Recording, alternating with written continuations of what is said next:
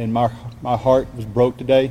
Our hearts and thoughts and prayers are with all our families as we go through this, this day and days to come. Det blir sagt igjen og igjen. My thoughts and prayers to again send our thoughts and prayers. And our thoughts and prayers go out to our students, staff, and our uh, community. Amerikanske politikere sender sine thoughts and prayers, tanker og bønner, til pårørende etter masseskytinger. Og nå begynner folk å få nok.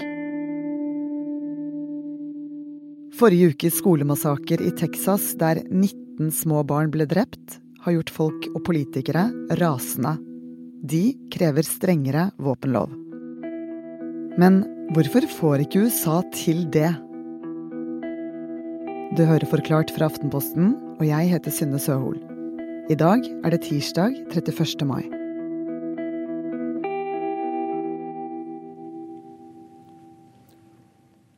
What are we doing? What are we doing? Han vi hører her, det er Chris Murphy, senator i USA. Og i forrige uke så sto han på gulvet i senatet og snakket med en ganske lav og rolig stemme, men det var lett å se og høre at hele mannen eh, formelig dirret av frustrasjon, sorg og ikke minst raseri. Our kids are living in fear every single time they set foot in a classroom because they think they're going to be next. What are we doing? Kristoffer Rønneberg, utenriksjournalist i Aftenposten. Hvem er Chris Murphy? Han er en 48 eh, år gammel senator fra delstaten eh, Connecticut, og den største kampsaken hans eh, det har vært å få på plass nye våpenlover. Han ble senator året etter at 20 små barn og seks voksne ble skutt og drept ved barneskolen i Sandy Hook i 2012. Og For et par år siden så skrev han også en bok om uh, masseskytinger og, og, det omfanget masseskytinger har fått i USA. Og at dette er jo noe som er helt unikt for dette landet.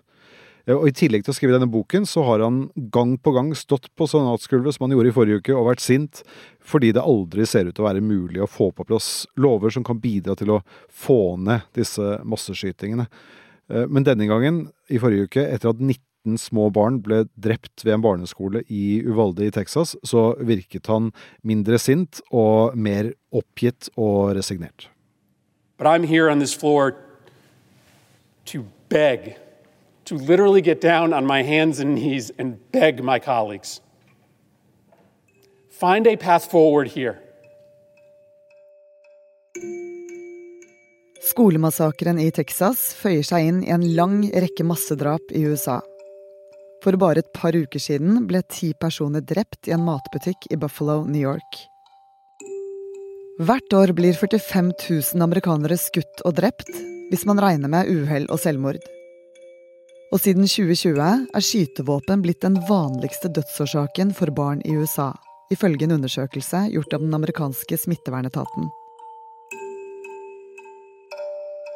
Kristoffer, nå ønsker demokratene en endring i våpenloven hva vil de egentlig endre? Vi må helt tilbake til 1791 for å begynne på å svare på, på, det spørsmålet. Fordi det var nemlig da den andre endringen av USAs grunnlov ble skrevet og vedtatt, og det er det som er utgangspunktet her.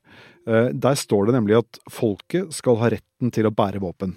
Og, og, denne loven den har blitt tolket stadig videre, altså i videre forstand, i mange delstater de siste tiårene spesielt. Og i dag så er det f.eks. mulig for en 18-åring i Texas å gå inn i en butikk og kjøpe et halvautomatisk gevær nesten helt uten videre.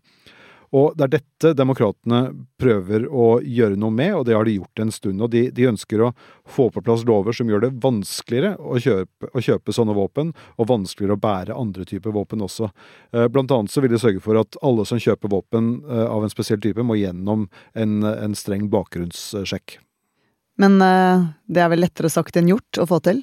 Ja, det er det helt klart. Selv om noe sånt som 90% av alle amerikanerne er for en lov som krever eh, bakgrunnssjekker, så, så, er det veldig stor motstand mot eh, denne typen eh, bakgrunnssjekker i, i Kongressen.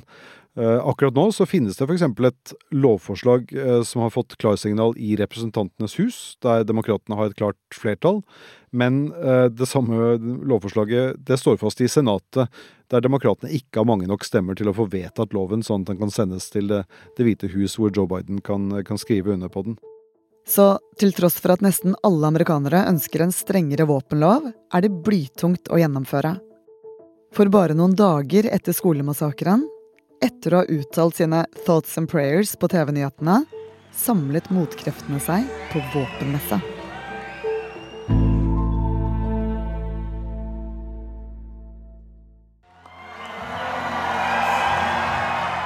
I helgen holdt NRA, National Rifle Association, sin årlige våpenmesse. Organisasjonen jobber for amerikanernes rett til å bære håndvåpen og årsmøtet tiltrakk seg politikere, kjendiser, artister og USAs tidligere president Donald Trump. But the existence of evil in our world is not a reason to disarm law abiding citizens who know how to use their weapon and can protect a lot of people. The existence of evil is one of the very best reasons to arm law abiding citizens. Dette er eh, rett og slett møtet der våpenlobbyen kommer for å feire seg selv. I år så er eh, Donald Trump eh, en av hovedgjestene. I NRAs øyne så driver de med en form for frihetskamp. At de skal sikre retten til at hver amerikaner skal ha muligheten til å forsvare seg selv med skytevåpen. Og svaret deres på den økende våpenvolden, det er nesten alltid at man trenger flere og større våpen. We all know they want total gun confiscation. Know that. This would be a first step. Once they get the first step, they'll take the second step, the third, the fourth, and then you'll have a whole different look at the Second Amendment, which is, by the way, totally under siege, and you've got to stop it. You've got to stop it. Dette her er jo en enorm industri der det er masse penger å tjene. Og våpenlobbyen de har skjønt nøyaktig hva de skal gjøre for å sikre at de får med seg politikerne på laget. Ja, Hvordan eh, gjør de det, da? Nei, Svaret på det er i, i stor grad uh, penger. NRA har uh, enormt stor innflytelse, spesielt i delstater der republikanerne dominerer. USA har ganske fleksible lover for lobbyvirksomhet, og NRA har gitt enorme pengebeløp i bidrag til enkeltpolitikere, spesielt til republikanere i Senatet. Så Mitt Romney, for tidligere presidentkandidat, nå senator i Utah, han har fått nesten 14 millioner dollar i bidrag fra NRA. Og disse pengegavene de er det vanskelig å se bort ifra når man lurer på hvordan politikerne ikke får på plass strengere våpenlover, selv om det jo er et soleklart eh, flertall i befolkningen for eh, at eh, det er det de skal gjøre. For det er ikke bare NRA og republikanske politikere som elsker våpen. I USA har rekordmange amerikanere våpen i hjemmene sine. USA er uh, utvilsomt verdens mest våpenglade land. Det er ingen land i verden som har flere sivile våpen per innbygger enn USA. Altså, for hver 100 amerikaner så finnes det i dag 120 skytevåpen. Og, og, selv om det er mange som ønsker strengere våpenlover og bakgrunnssjekker og sånne ting, så er amerikanerne i hovedsak fornøyde med at de har denne retten i grunnloven til å bære våpen. Hvorfor er våpen så viktig da, for amerikanere? Nei, Som sagt så er dette knyttet tett til ideen om frihet for, for mange amerikanere. Denne ideen om individuell frihet. Men spørsmålet de siste tiårene har vært hva dette grunnlovstillegget egentlig betyr, for det er ganske vagt formulert. Og så er det jo lenge siden 1791 da denne loven ble, ble skrevet, og verden ser jo helt annerledes ut i dag. Man har jo i dag f.eks. politi og forsvar og alle disse andre offentlige etatene som skal sørge for at folk eh, er trygge. Så behovet for en liksom, privat milits, som det står beskrevet i dette andre grunnlovstillegget, og at folk skal gå rundt med militære skytevåpen, det, det burde jo egentlig være mindre og egentlig helt borte. Men i mange delstater så har politikerne sørget for i stedet at det har blitt lettere å kjøpe og eie skytevåpen. Jeg kan ta et eksempel. I, i fjor så vedtok Texas og fire andre delstater en lov som gjør det mulig å bære håndvåpen, altså ting som pistoler, uten at man først har et kurs eller at man søker om lisens til å, til å bære det våpenet. Og jo mindre strenge disse lovene er, jo flere våpen blir det solgt. De siste 30 årene har våpensalget i USA tredoblet seg. Og ingenting tyder på at trenden vil snu.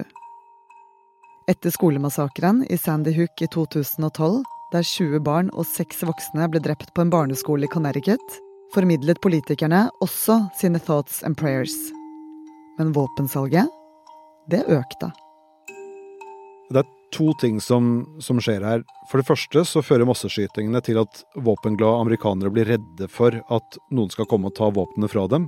Altså at det skal komme nye lover som gjør det vanskeligere å, å kjøpe våpen. Og dermed så drar de til våpenbutikken for å kjøpe våpen i tilfelle det skulle komme sånne lover.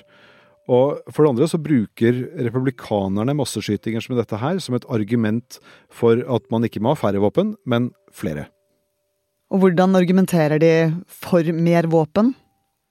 En politiker som, eh, som, bruker dette argumentet, det er eh, Ted Cruz. Han er eh, en av de to senatorene fra, fra Texas, og en veldig sterk våpentilhenger. Så sterk at han ikke har fått noe særlig penger fra NRA, fordi de allerede har ham på, på laget. Og rett etter skoleskytingen i, i, forrige uke så sa han at den beste løsningen nå for å holde barna trygge på skolene, det er at man må ha bevæpnede vakter der som passer på. Jeg mener helt genuint at svaret på problemet er mer våpen? Nå kan ikke jeg gå inn i hodet på, på Ted Cruz eller, eller andre, men um, denne ideen om individets frihet den står nok sterkt, uh, spesielt i en delstat som, som Texas, hvor, uh, hvor, det er uh, en, en, en, del av historien der. Men samtidig så, så kan man ikke ignorere våpenlobbyens makt. Men hvorfor er det så vanskelig å få til en ordentlig debatt på dette? Jeg tror nok at det henger sammen med det som kanskje er USAs aller største problem for tiden, nemlig at de politiske fløyene er dratt så langt fra hverandre at uh, de to uh, polene omtrent ikke lever i samme virkelighet eller snakker samme språk. Denne polariseringen den er så sterk at den har omtrent lammet samfunnsutviklingen i, i USA det er, det er, nesten bare i utenrikspolitikken, altså i ting som har med, med Kina eller med, med, krigen i Ukraina å gjøre, at republikanere og, og, og demokrater klarer å, å, være enige. Ellers så ser vi at i debatter om alt fra abort til infrastruktur og covid-redningspakker, at, at det blir mest krangling og veldig lite handling. Og i et polarisert USA så er det kanskje ingenting som er mer polariserende enn våpendebatten. Et eksempel på det er republikaneren Ted Cruz. Han mener at demokratenes forsøk på å endre våpenloven bare er et politisk spill. You know, it's, it's Og dette svarte han journalistene som konfronterte ham om våpenloven under en minnestund for ofrene i skoleskytingen. The proposals the Democrats have, none of them would have stopped this. But you can't answer that. Can, you can't answer that, can you, sir? You can't answer that. Why you know, is this Why country... is it that people come from all over the world to America? Because it's the freest, most prosperous, safest country on earth. Det ser ut til at uh, debatten er helt fastlåst. Uh, er det noen vei ut av dette? Ja, Dessverre så ser det ikke veldig uh, lyst ut. Altså etter Sandy Hook-massakren i 2012, der også 26- og 7-åringer ble skutt og drept, så var det mange som håpet at det, det måtte jo være øyeblikket der USA våknet opp og fikk gjort noe med dette enorme problemet de har. Og, og, før det så hadde det vært masse debatt om skoleskytingen i Columbine. altså Det var dokumentarfilmen 'Bowling for Columbine'. Det var en, en skyting i 1999, begynner å bli lenge siden nå. Og, og, nå har det altså vært enda en stor skoleskyting der uskyldige små barn som satt i klasserommet sitt eh, helt uh, glede, glede seg til sommerferie. Plutselig blir de bare revet vekk av en mann som kommer inn der med et, med et halvautomatisk gevær. Uh, men etter det, reaksjonen vi får høre da fra Chris Murphy i Senatet eller president Joe Biden, det er i tillegg til at de selvfølgelig er sinte, så er det mest at de er resignerte. De, de høres ut som de har gitt opp. Og akkurat nå så er det kanskje heller ikke noe grunn for dem til å være spesielt optimistiske.